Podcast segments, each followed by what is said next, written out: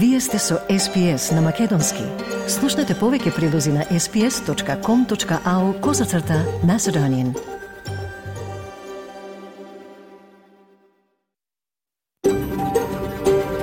SBS, a world of difference. You're with SBS Macedonian on mobile, online, and on radio. Вие сте со SPS на Македонски на мобилен, преку интернет и на радио.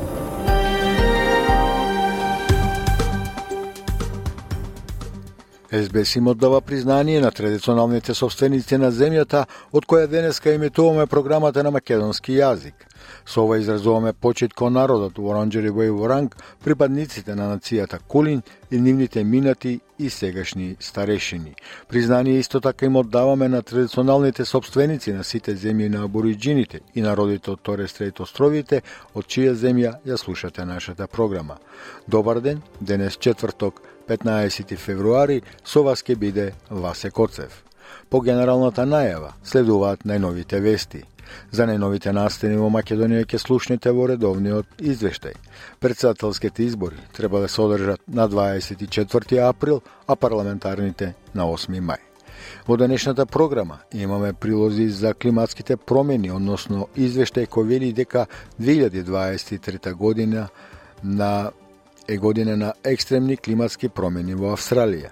Имаме и прилог во кој ќе слушнете од едно ново истражување дека австралиските ученици се соочуваат со потешкоти во читањето. Кон крајот на програмата имаме разговор со метоколоскиот обедината македонска диаспора за тоа дали има разединетост за начинот на кој се води оваа организација. Останете со нас, програмата ја продолжуваме со најновите вести.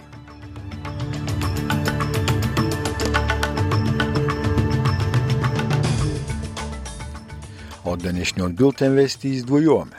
Владата на Албанези вели дека сака да го врати финансирањето на УНРВ што е можно поскоро. Владата ги измени и реформите, право на исклучување за отстранување на кривишните казни. Во Македонија, председателските избори треба да се одржат на 24 април, а на 8 мај се закажени парламентарните избори. И од спортот, Рафаел Надал се повлекува од Катар Оупен поради постојани грижи за повреди. Слушајте не. Владата на Албанези вели дека сака да ја врати помошта за Палестинската агенција на Обединетите нации за помош што е можно поскоро. Министерката за надворешни работи Пени Вонг изјави пред Сенатската комисија на четврток 15 февруари дека УНВР е клучот за помош во Газа, но дека наводите против неа се сериозни и не можат да се игнорираат. Сенаторката Вонг исто така ја повтори загриженоста на владата во врска со планираната израелска копнена офанзива врз јужниот град Рафах, повикувајќи го Израел, цитирам, да го слуша светот, затворен цитат, по широката меѓународна осуда. Таа вели дека повеќе од 1,7 милиони палестинци се засолнити во објектите на УНРВ од витално значење е работата на оваа агенција за спасување животи да продолжи наскоро. The need for this critical work to continue is why Australia welcomed UNRWA's swift response to recent allegations, including terminating staff and launching an investigation and a broader independent review. Australia is now working with a number of other major contributors to make clear to UNRWA that it needs to demonstrate strong, transparent, and accountable leadership for the international community to move forward together. Нема да се применуваат кривишни казни за работодавците кои ги прекршуваат новите закони што им дозволуваат на вработените, цитирам, право да се исклучат, затворен цитат од работа. Федералната влада воведе аманмани за отстранување на казните кои поминаа пред Сенатот за шефовите кои го принудуваат персоналот да одговара на телефонски повици или пошта надвор од работното време. Министерот за индустријски односи Тони Брк вели дека кога ќе се појават спорови за правилното исклучување, работодавачите и вработените ќе можат да аплицираат до Комисијата за фер работа. Тој му рече на парламентот дека не треба да биде спорно луѓето да добиваат плата за дополнителни часови. My understanding is no member of parliament supports criminal penalties applying. But for reasons I will never understand, coalition members refused to grant leave for this issue to be corrected last Thursday. Despite that, I hope now that it is in a separate bill, the coalition and indeed all members will now support this legislation Владата и федералната опозиција си разменија удари пред денешното гласање за намалување на даноците во третата фаза. Опозицијата ја нападна владата за, како што вели, одлуката да одвои 40 милиони долари за рекламна кампања за промовирање на низините ревидирани кратења. Но се очекува коалицијата да ги подржи намалувањата, откако ги критикуваше промените според кои луѓето кои заработуваат под 150.000 долари ќе добијат поголемо намалување на даноците, а оние со повисоки примања ќе добијат помалку. Премиерот Ентони Албанезе, кому лидерот на опозицијата господин Датон му честитеше за неговата веридба, му рече на парламентот денеска дека а, тоа е одличен ден, цитирам, на многу нивоа. This is a day in which every Australian will get a tax cut. Yeah. All 13.6 million of them. And the difference between this side and that side is we want people to earn more and we want workers, every taxpayer, to keep more of what they earn. They want people to work for longer for less. А премиерот Ентони Албанезе се ожени утринава преку објава на социјалните мрежи и ја објави својата свашувачка со партнерката Џоди Хейдон. Ентони Албанезе е првиот австралиски премиер кој се свршил за време на неговата функција. Председателот на Македонското собрание Јован Митрески ги подпиша решенијата со кои се распишуваат председателските и парламентарните избори во 2024 година во Македонија. Седумте председат... Седмите председателски избори треба да се одржат на 24 април, а на 8 мај се закажани парламентарните избори, кога и вториот круг на изборите за председател. Верувам дека во предизборниот период што предстои, сите надлежни институции, но и сите инволвирани субјекти ќе дадат свој придонес да имаме фер и демократски изборен процес на ниво какво што заслужува една демократска држава, членка на НАТО, држава која го оди патот кон полноправно членство во Европската Унија. Членовите на групата на Арабската лига велат дека имаат широка подршка меѓу членките на Советот за безбедност на Обединетите нации да усвојат насрт резолуција со која се повикува на прекин на огнот во Газа. Алжир, арапскиот представник во Советот за безбедност на Обединетите нации, ја представи нацрт резолуцијата минатата недела. Тој бара од сите страни да се усогласат со меѓународното право, повикува на непречен пристап до хуманитарна помош и, цитат, го отфрла принудното раселување на палестинското цивилно население, затворен цитат. Палестинскиот амбасадор во Обединетите нации, Ријат Мансур, вели дека е крајно време Советот за безбедност да одлучи за резолуција за прекин на огнот. Our effort is to do everything possible to stop Israel from committing this crime of depopulating the Gaza Strip and stopping the war immediately. The guarantee to do that is to have a resolution calling for a ceasefire, and we hope that the Security Council would elevate itself to that responsibility. Минатиот петок, израелскиот премиер Бенџамин Нетањаху објави дека Израел планира голема копнена инвазија на јужниот град Рафах во Газа и покрај меѓународните критики и повици за воздржаност, Израел вели дека ќе продолжи со инвазијата во регионот, каде што во моментов се засолнуваат околу 1,5 милион палестинци. Повеќе од 25 домови се уништени во националниот парк Гремпијанс, додека шумските пожари продолжуваат да горат низ Викторија. Жителите на погодените региони на западниот дел на Викторија чекаат да се вратат во своите домови, а пожарите се уште горат околу националниот парк. Главниот извршен директор на Гремпијанс туризам Марк Слиман побегна од својот имот во Помонал во вторникот. Тој вели дека загубата на 25 до 30 домови во толку мала заедница е огромна загуба.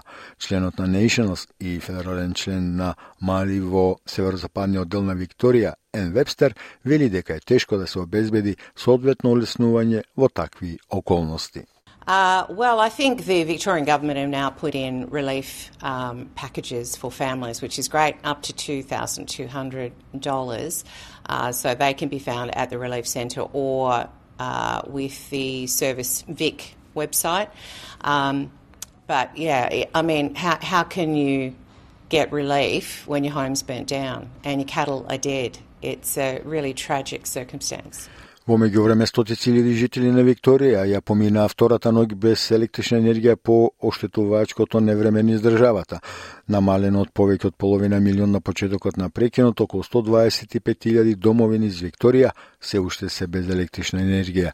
Операторот на австралискиот енергетски пазар вели дека состојбата може да потрае уште неколку дена, па дури и повеќе од една недела, за да се врати струјата на сите погодени. Главните области кои се погодени се Јара, јужниот дел на Гипсланд и брегот Бас Коуст. Опозицијата го критикуваше предлогот усвоен од представничкиот дом со кој се повикуваат Соединетите држави и Обединетото кралство да се откажат од своето гонење против Джулијан Асанж. Основачот на Викилис Овој месец ќе се соочи со Високиот суд во Лондон во конечен обид да се спречи неговата екстрадиција во САД под обвинение за шпионажа. Предлогот беше усвоен од лабористите и независните пратеници заедно со либералната пратеничка од задните редови Бриджит Арчер.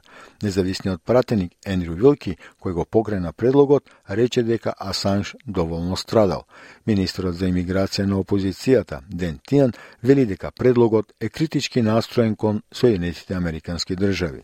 The motion wasn't about the length of time that it's taken for justice to come to Julian Assange. It was about criticising the Americans for standing up for their right to be able to deal with the implications of people leaking national security issues. And we have to get this right.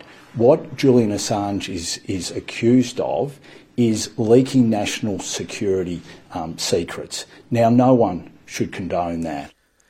Министерката за образование на Нов Јужен Вилс, Прукар, вели дека откритието за контаминација со азбест се смета за кривишно дело.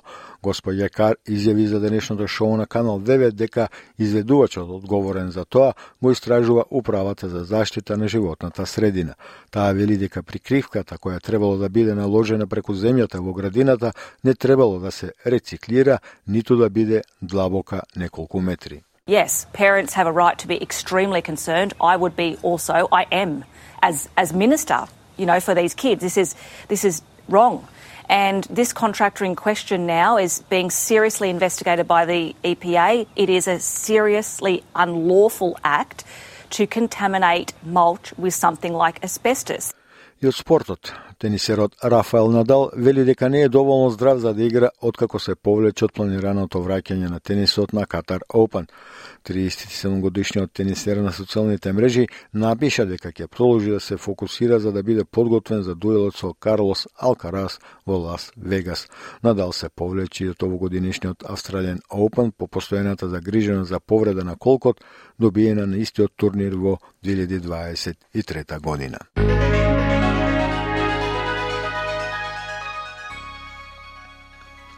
Од денешната курсна листа, еден австралијски долар се менува за 0,60 евра, 0,64 американски долари и 36,92 македонски денари, додека еден американски долар се менува за 56,87 македонски денари, а 1 евро за 61,10 македонски денари. И временската прогноза за поголемите градови во Австралија. Утре, петок 16 февруари, Перделумно облачно со температура до 29 степени, Аделајд сончево до 31, Мелбурн претежно сончево до 25, Хобар делумно облачно до 26 степени, Камбера врнижот од дожд до 27 степени, слично време и во Сиднеј. Во Бризбен исто така ќе има врнижот од дожд, но со температура до 29 степени. Во Дарвин повремени врнижи, можна и бура до 33 и во Алес Спрингс сончево со температура до 38 степени.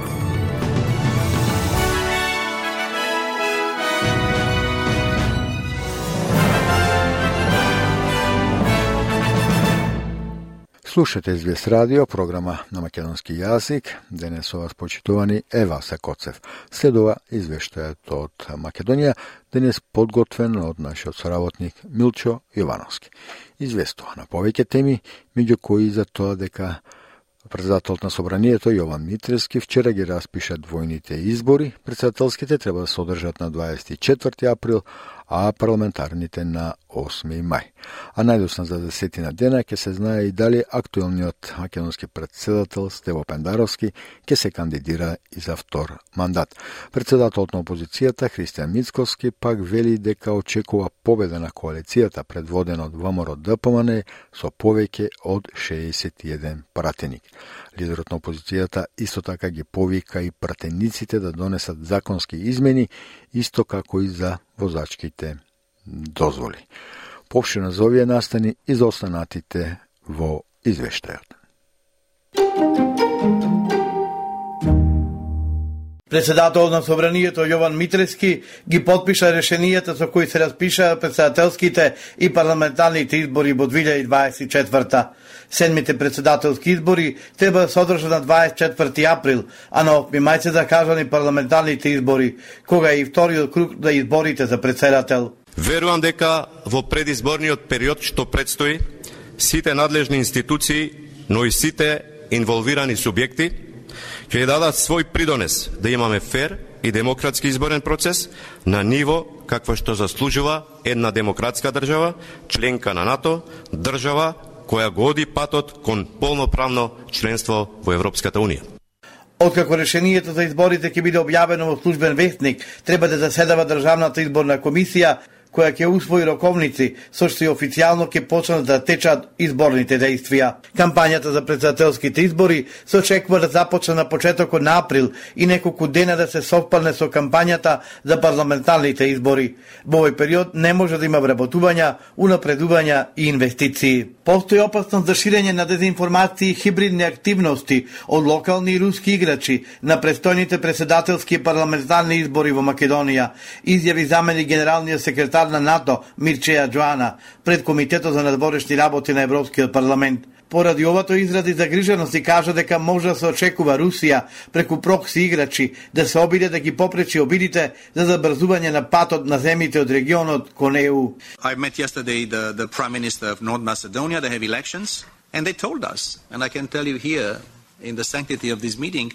that what is happening in terms of uh, disinformation, hybrid, and, and, and massive attempts to influence the elections in one ally, North Macedonia, are of great concern to us. And we see regional players playing, also we see Russia and other play, uh, players playing. What we see in the Western Balkans is a, a level of instability which is not dangerous, but you never know when a flame, when a spark can have combustion and, and have, again, Премиерот Тала Джафери во рамки на посетата на Брисел оствари средба со председател на Европскиот совет Шарл Мишел.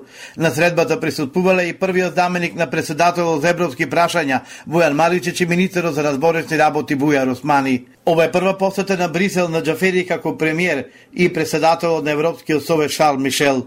На средбата беа разменети ставови за поддршката на Европската Унија во процесот на евроинтеграциите на Македонија, како и за текот на реформските процеси во земјата, кои се од исклучителна важност за напредокот, се вели меѓу другото во сообщението од кабинетот на премиерот Джафери.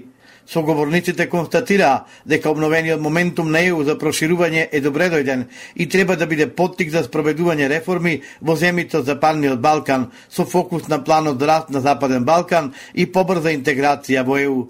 Джафери на средбата истакна дека ЕУ перспективата останува главен двигател на промените, но и помирувањето во регионот. Соговорниците на средбата истакнаа дека Македонија негува одлични односи со сите земји од Западен Балкан. Минатата година, како земја преседавач со обсе, Македонија потврди дека во континуитет е кредибилен партнер на ЕУ и на меѓународната заедница, стои во сообщението од кабинетот на премиерот Тала Джафери. Зулфија Дили, кој беше еден од двајцата предложени, ја повлекол кандидатурата и сега остана само Абдуш Демири, кој е кандидат на Дружената албанска опозиција. Соба се деблокира Комисијата за избори и именувања, која за денеска закажа седница со една точка на дневен ред избор на седмиот член на Државната изборна комисија. Информациите дека е можно решение ги соопшти координаторот на претеничката група на ВМРО ДПМН Никола Мицески, кој е оптимист дека процедурата конечно ќе заврши и предлогот на Касами, Гаши и Меджити ќе биде изгласан со двотретинско мнозинство. Значи материјал врз основа на кој што едниот кандидат, мислам дека се викаше Абдуш Девери, ќе биде кандидат за пополнување на местото во државна изборна комисија. Изборот се прави со двотретински изборот и се очекувам дека ќе успееме и во рокот да ја дополниме државната изборна комисија како би можела со полн капацитет да работи на подготовка на регуларни председателски и парламентарни избори.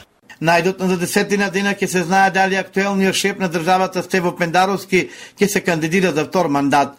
Освен одлуката на СДСМ дали зад него ќе застане и Дуи, е неизвестно со оглед на заострената реторика на релацијата Мала речица Вила Вонно, откако тој не го подпиша указот за прогласување на законот за игри на среќа. За интегративците ваквата одлука е за жалење и без суштинско образложение. Објаснувањето дека причината е процедурална поради злоупотреба на европското знаменце ја оценија како приказна за мали деца. Нова председател Пендаровски возврати. Јас не мислам дека писмен допис од Брисел до било кого тука во земја кандидат која преговара за членство во Европска унија може да се каже дека е приказна за мали деца. Според мене тоа е сериозно укажување кое не би смеело како однесување да го повторуваме понатаму. Во процедура во собрание имате закон со кој практично се злоупотребува европското знаме, бидејќи таква европска директива нема. Неофицијално Дуи веќе одлучиле да одат со свој кандидат на председателските избори, а како опција се спомнува подпредседателот и министр за надворешни работи Бујар Османи. Ова доаѓа од како албанската опозиција најави дека ќе излезе со свој кандидат, најверојатно Билал Касами од БЕСА. Очекувам историска победа на коалицијата, предводена од ВМРО ДПМН со повеќе од 61 пратеник. Индиот председател да биде кандидатот што ќе го поддржи ВМРО ДПМН и коалицијата, порача од Кавадрец и лидерот на партијата Христијан Митковски. Митковски исто така предупреди дека после 8 мај лично ќе се занимава со како што рече криминалот од 140 милиони евра што се спрема на бегање во рек Битола. Според Митковски борек Битола се подготвуваат тендери од околу 6 милиарди денари за убав на јаглен и околу 3 милиарди денари со вклучен ДДВ за ископ на јаглен и јалови на Борек Битола. Не стимнуваа нервозите и реакциите во врска со законската обврска за менување на личните и патните документи со старото име Република Македонија. Собранието и владата деновиве поитна постапка донесоа законски одредби и финансиски олеснувања со кои се пролонгираше замената на одредени документи, а за дел се донесе одлука да бидат на товар на државата но и покрај тоа што налепниците НМК за регистарските таблички станаа бесплатни на социјалните мрежи и во некои автосалони, тие станаа шанса за бизнис, па се продаваат по цена од 50 денари. Граѓаните кои не се информирани дека се одложи обврската за набавка на налепници до 31 декември, се фаќаат на мамката и плаќаат за новите налепници, требувајќи да не бидат казнети. Во меѓувреме согласи и Комисијата за спречување и заштита од дискриминација, која смета дека се прави нееднакво третман кон граѓаните кои платиле за промена на важечки документи со новото име на државата. Лидерот на ВМРО ДПМН Христијан Мицковски ги повика пратениците од сите политички партии да го поддржат законското решение предложено од пратеничката група на ВМРО ДПМН, со кое ќе се продолжи важноста на личните карти и пасошите, по примерот на тоа со возачките дозволи. Повикувам пратениците да стават крај на голготата на македонските граѓани, да не бидеме затвореници и притвореници поради лошите политики, недржавните политики, а националните политики на владата на СДСМ и ДУИ, да не бидеме притвореници во овие 26.000 квадратни километри. Има единствен начин да се стави крај на тоа, а тоа е да се подржи законот со кој што ќе се продолжи важноста на личните документи, личните карти и пасошите. Лидерот на партијата Знам, Максим Димитриевски, поднесе кривична пријава против неговиот поранешен со партијет и министер за внатрешни работи Оливер Спасовски да одговара кривично за издавање лични документи со старото име се до средината на 2021 година. Кривично да одговараат и Спасовски и Министерството со кое раководеше за злоупотреба на службената положба и несобесно работење во службата. Председател на владата Тала Джафери ги повика сите политички субјекти и председатели на партии во државата во пресед на распишувањето на изборите да се борат исклучиво од државните и граѓанските интереси и да не наштатуваат на меѓународните позиции на државата и да не ги доведуваат во заблуда граѓаните со манипулации и невистини. Цитирам, Прашањето околу потребата на уставното име на државата во патните исправи е регулирано со уставот и е дел од меѓународниот договор. Од тука несериозен, популистички и исклучиво партиски интерес е наводниот повик да се подржи законско решение со кое што би се продолжила важноста на патните исправи по примерот на решението со водачките дозволи, повиците за непочитување на уставот и за непочитување на меѓународните договори нанесуваат штета пред се на граѓаните со тоа што се доведуваат во заблуда, но и на меѓународниот углед на државата, напиша техничкиот премиер Тала Джафери.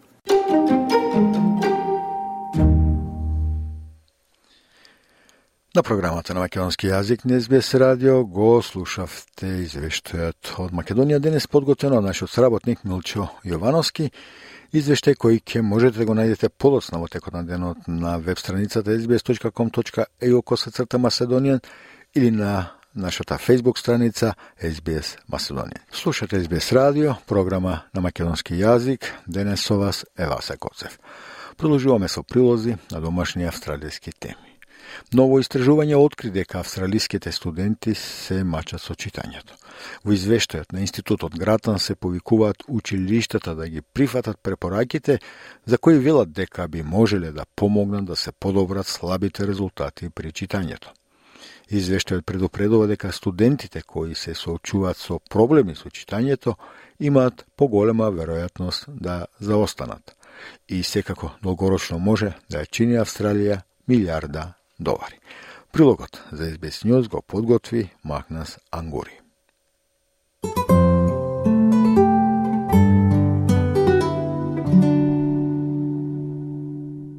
Тоа е опишано како, цитирам, трагедија што може да се спречи, затворен цитат. Децениски несогласување за тоа како да се научи читањето, што доведува до слаби перформанси во австралиските училишта. Извештајот Гаранција за читање на Институтот Гратан открива дека во типична австралиска училница од 24 ученици, 8 нема да бидат умешни во читањето. Коавторката на извештајот, Аника Стобарт, вели дека обесправените студенти имаат значително полоши резултати од оние со предност, иако многу студенти со предност исто така заостануваат. Таа вели дека половина од учениците во регионалните и руралните области не ги исполнуваат очекувањата за ниво на оценка во читањето, а тоа е уште повисоко кај домородните ученици. Half of students in regional and rural areas um, are not meeting grade level expectations in reading, and this is even higher for Indigenous students. Институтот сега им препорачува на владите и училишните системи да се посветат на структурирана писменост, мешавина од директни инструкции и гласови, или начинот на кој звучат буквите и зборовите, наместо на што го опишува професорката Тереза Хопфенбек од Универзитетот во Мелбурн како целина. The whole language movement, students were able to understand a lot of words by simply being read stories for, by reading themselves, and they were supposed to figure out a lot themselves. But some students and some student groups, we know they need a little bit more help to actually uh, help with decoding, and that's when we sometimes use phonics. Please don't go from whole movement and just phonics only. Try to find the right balance.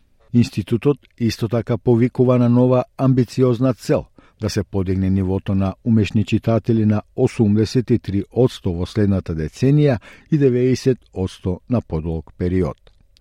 Институтот Гратан го проценува овој така наречен неуспех и вели дека ќе ја чини австралиската економија 40 милиарди долари во текот на животот на студентите.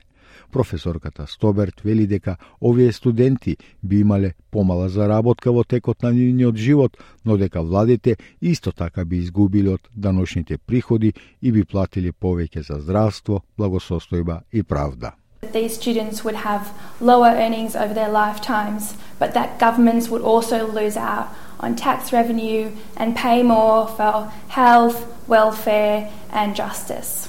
Извештајот исто така откри дека недостигот на финансии во училиштата ги спречува учениците кои се борат да ја добијат потребната поддршка, поттикнувајќи повици за повеќе инвестиции.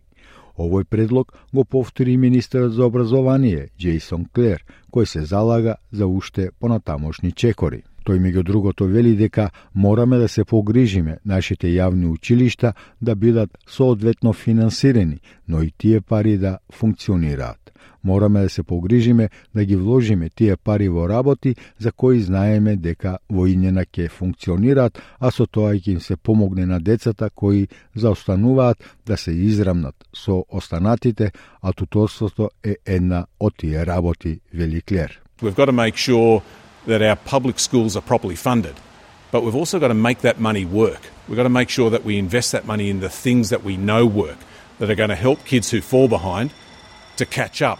And catch up tutoring is one of those things. Клучни чекори за студентите и за австралиската економија.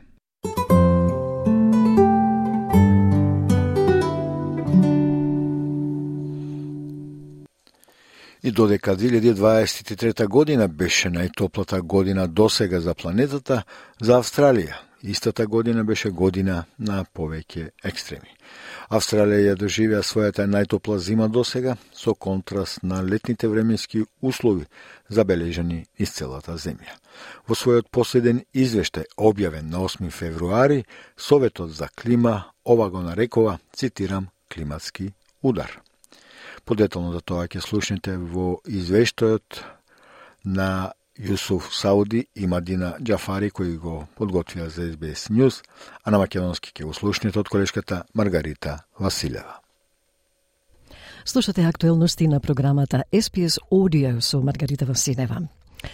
Додека 2023 година беше најтоплата година досега за планетата, за Австралија 2023 беше година на сите екстреми. Австралија ја доживеа својата најтопла зима досега, со контраст на летните временски услови забележани низ целата земја. Во својот последен извештај, објавен на 8 февруари, Советот за клима го нарекува климатски удар. Повеќе на оваа тема од прилогот на Јусеф Сауди и Мадина Джафари за SBS News. SBS. SBS. SBS. SBS. SBS. SBS Radio. Од рекордно суви и топлотни услови до фатални поплави, 2023 година беше година на екстремни временски услови за Австралија.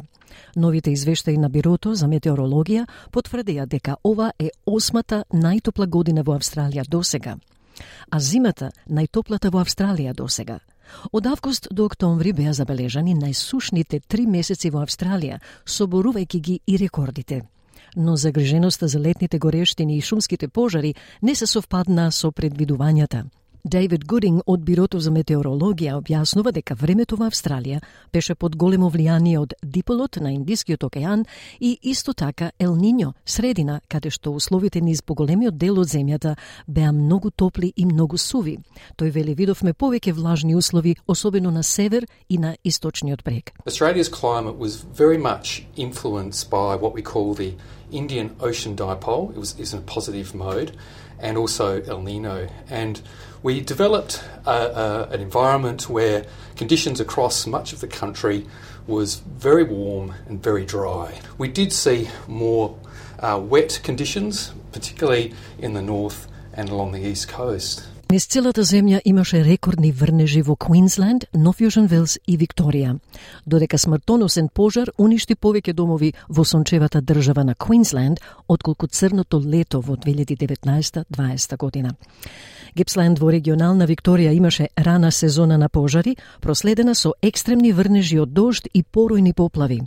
Рекордни врнежи има и Јужна Австралија, Тасманија и Викторија и Западна Австралија го забележа најтоплиот септември досега. Домовите околу Перт сега три пати се загрозени од големи пожари.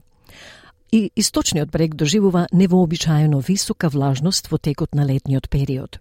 Доктор Саймон Брадшо е истражувачки директор од Климатскиот совет и вели дека може многу да се научи од овие временски образци – Според Брадшо, лекцијата од ова лето е дека работите стануваат похаотични и потешки да се предвидат, така што мора да се прифати пораката кога станува збор за грижата за нашите заедници и справувањето со климатската криза, вели тој. The lesson from this summer really is that things are becoming more chaotic and unpredictable and harder to foresee. So we've really got to take that message of urgency when it comes to looking after our communities and tackling the climate crisis. Climate justice is what we need, not fossil fuels and corporate greed. Climate justice is what we need, not fossil fuels and corporate greed. Climate justice is what we need, not fossil fuels and corporate greed. Climate justice На 8 февруари, активисти од Австралиската младинска климатска коалиција се собраа во парламентот, барајќи од федералната влада да преземе дополнителни активности за климатските промени. Овој млад човек отпатува од регионална Австралија за да присуствува на собирот. Вели не можеме да продолжиме да користиме фосилни горива и да очекуваме дека исходот, влошената климатска криза, ќе се промени затоа што едноставно нема да се промени. Групата ги повикува оние што се на власт да ги слушаат гласовите на младите и да дадат поддршка и итна транзиција далеко од гасот и кон обновливите енергии. We can't keep using fossil fuels and expecting the outcome, the worsening climate crisis, to change because quite simply it won't. I'm calling on those in power to listen to youth voices and support an urgent transition away from gas and towards renewable energies. Лидерот на Зелените Адам Банд исто така се осврна на, како што ги нарече, нефункционирачките закони за животната средина на федералната влада. Тој вели осигурува дека новите проекти за јаглен и газ, што ја загрозуваат животната средина, не можат да продолжат и дека лабористите треба да го поддржат тоа. Бант вели, ако лабористите велат дека се сериозни во справувањето со климатските промени, тогаш законите мора да го спречат одобрувањето на нови проекти за јаглен и газ. I'm making sure that new coal and gas projects that threaten our environment cannot go ahead. And Labor should back that. Labor says that it's serious about tackling climate change. Well, if you're serious about tackling climate change, then our laws must stop new coal and gas projects from being approved. Министерката за животна средина на Лейба, Тања Плиберсек, го даде овој одговор. Цитат, Политичката партија на Зелените и независните пратеници преговараа со владата за заштитен механизам. Заштитниот механизам е законодавство кое гарантира дека Австралија ќе достигне нето нула. Затоа инвестираме во надградба на предвидувачкиот капацитет на Бирото за метеорологија, бидејќи знаеме дека времето со кое се справуваме станува се понеизвесно. Затворен цитат. The Greens political party and the, the crossbench negotiated with the government a safeguard mechanism. The safeguard mechanism is the legislation that ensures that Australia gets to net zero. It's why, for example, we are investing in upgrading um, the, the predictive capacity of the Bureau of Meteorology because we know that the weather Uh, we're dealing with is becoming increasingly uncertain. Во меѓувреме, Дейвид Гудинг од Бирото за метеорологија вели дека најлошиот дел од дивите временски услови не е целосно поминато, што значи дека се очекува трите наредни месеци да бидат повлажни од просекот во северниот и североисточниот дел на Австралија, веројатно еднакви шанси да бидат влажни или суви за поголемиот дел од остатокот од Австралија. So what we expect in at least the three months ahead is um, probably wetter than average over the north and northeastern of Australia, but probably equal chances of being wet or dry for much of the rest of Australia. SBS на Македонски. Споделете ги нашите приказни на Facebook. Токму така можете нашите приказни да ги споделите на Facebook, доколку ја посетите нашата Facebook страница SBS Macedonian или нашата веб страница sbs.com.eu косацрта Macedonian, секако тамо ќе ги најдете сите наши подготвени прилози. Програмата на македонски јазик и на СБС радио ја продолжуваме со еден разговор. Имено, доколку ја следевте нашата емисија вчера, слушнавте повеќе критики од страна на еден од директорите на Обединета македонска диаспора за Австралија, господинот Ордан Андреевски, за начинот на кој се води организацијата.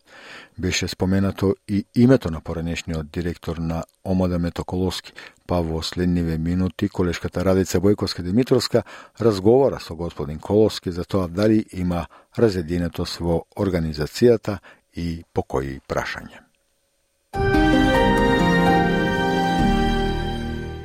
Господине Еколовски, добре дојдовте на СБС на Македонски. Со вас секогаш има многу поводи за разговор. Оваа година ОМД слави 20 години.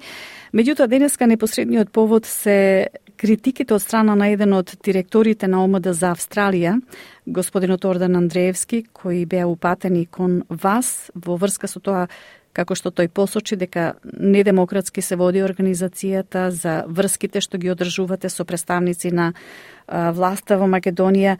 Според него, како што можевме да слушнеме во едно интервју, председател на организацијата сте биле предолго во Вашингтон, правите забави и него слушате гласот на народот, што го представувате. Очигледно има разединетост во ОМД? Дефинитивно нема. Прво би сакал да ви се да благодарам Радице што ме имате повторно на SPS радио и дефинитивно е убаво што се продолжува на македонски јазик SPS радио да да постое за македонската публика, но и за за австралиската публика кој сака да научи повеќе за македонската заедница. Прво би сакал да да спомнам дека ОМАДА е организација формирана во 2004 година. А, ОМАДА до кај 2008 и 2009 немаше а, титули као председател, подпредседател и слично. Ние кои бевме коосновачи на организацијата, решивме дека е убаво да имаме само комитет mm -hmm. а, кој ќе работи за лобирање за македонската диаспора во, во Вашингтон. Но после тоа организацијата самата порасна, почна да се јавуваат луѓе од цел свет, од Канада, од Австралија, од Европа.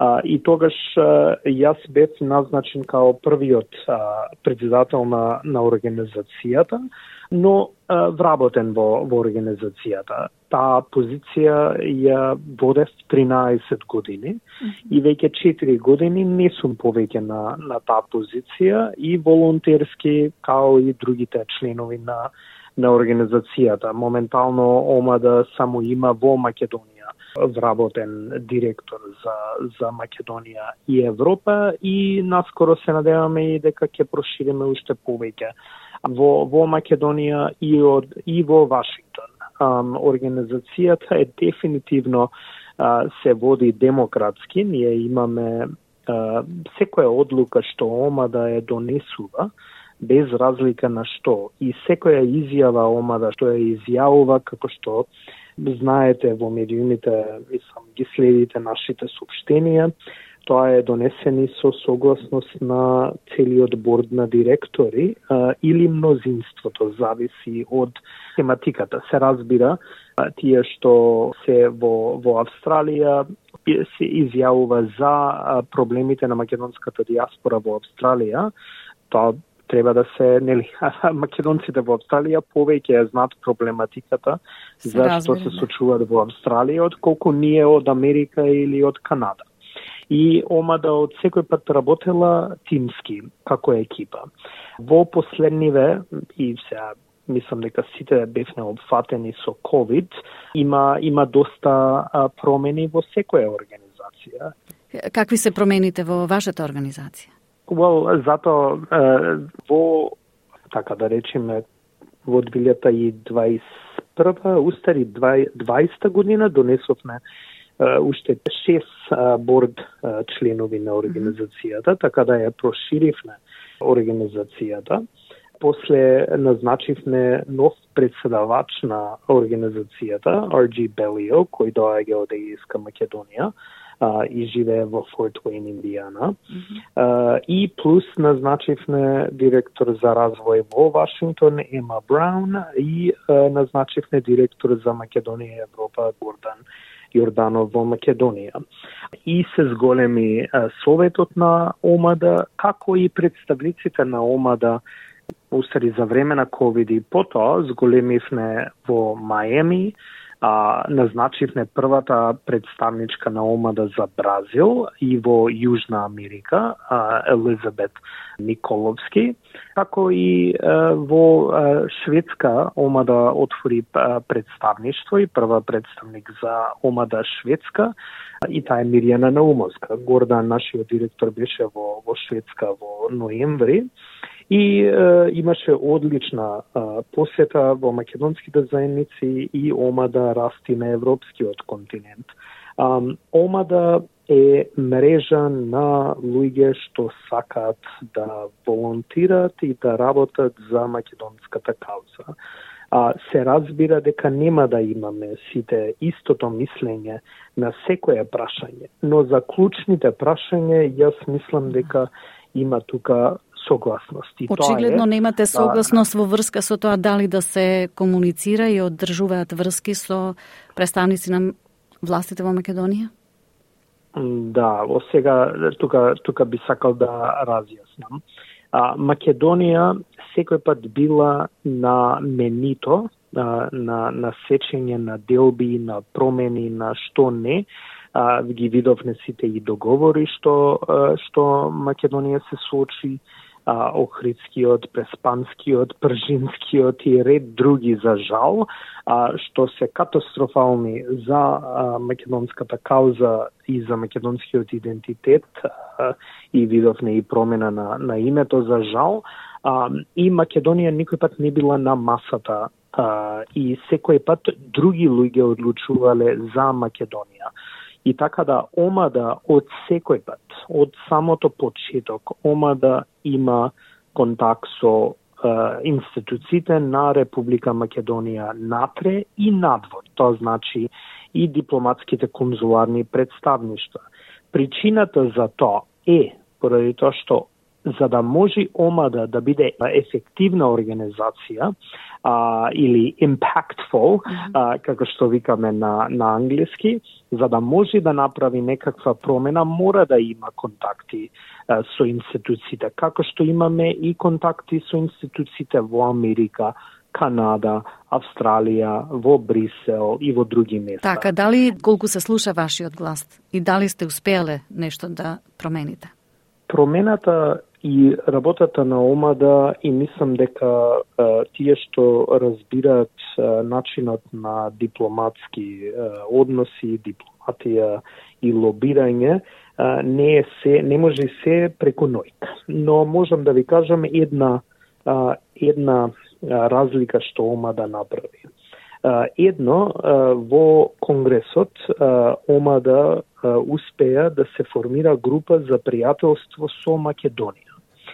И кога се промена името во Македонија, за жал, преко Преспанскиот договор и неуставен договор, што Омада од почетокот беше против и се уште е против, и нема никој пат да го користи зборот Северна во било каква комуникација, изјава и ред друго. За нас името е Македонија и ние сме македонци. Тука нема спор а, групата за а, имаше некои конгресмени што притисок од администрацијата вика дека мора да се вика таа група конгресна група за Северна Македонија.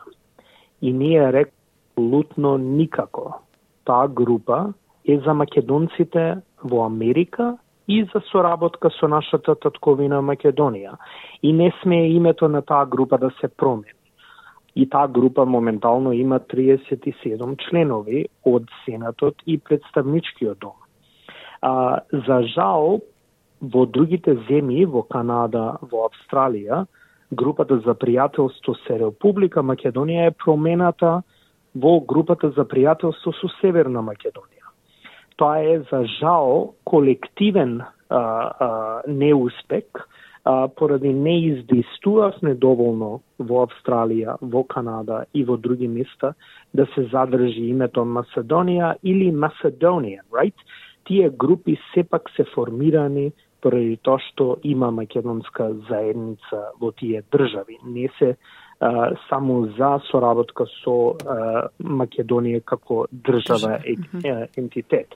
И така да, доколку сме строги И ако мислиме дека не треба комуникација апсолутно со никого, тогаш не би требало и да дискутираме и со пратеници од австралискиот парламент или од канадскиот или европскиот. Но за да бидеме ефективни, како што кажав, мора ние да имаме а, разговори и дискусии. Тоа не значи соработка и не значи согласност и тоа е начинот на дипломатија, на лобирање и ред други работи. Ете тоа беше разговорот со поранишниот председател на ОМАДА Мето Коловски. Имам уште еден дел од овој разговор што ќе го имитуваме утре во кој господин Коловски одговара и на критиките дека организацијата повеќе се занимава со организација на забави во Вашингтон. Со господинот Коловски разговараше колешката Радица Бојковска Димитровска. Со ова почитувани стигнавме до крајот на денешната програма. Денес со вас беше Васе Коцев. Ви благодарам за вниманието. Имајте пријатно попладне и ве очекуваме да бидете повторно со нас утре, петок, точно напладне. Стиснете, ми се допаѓа, споделете, коментирајте. Следете ја SPS на Македонски на Facebook.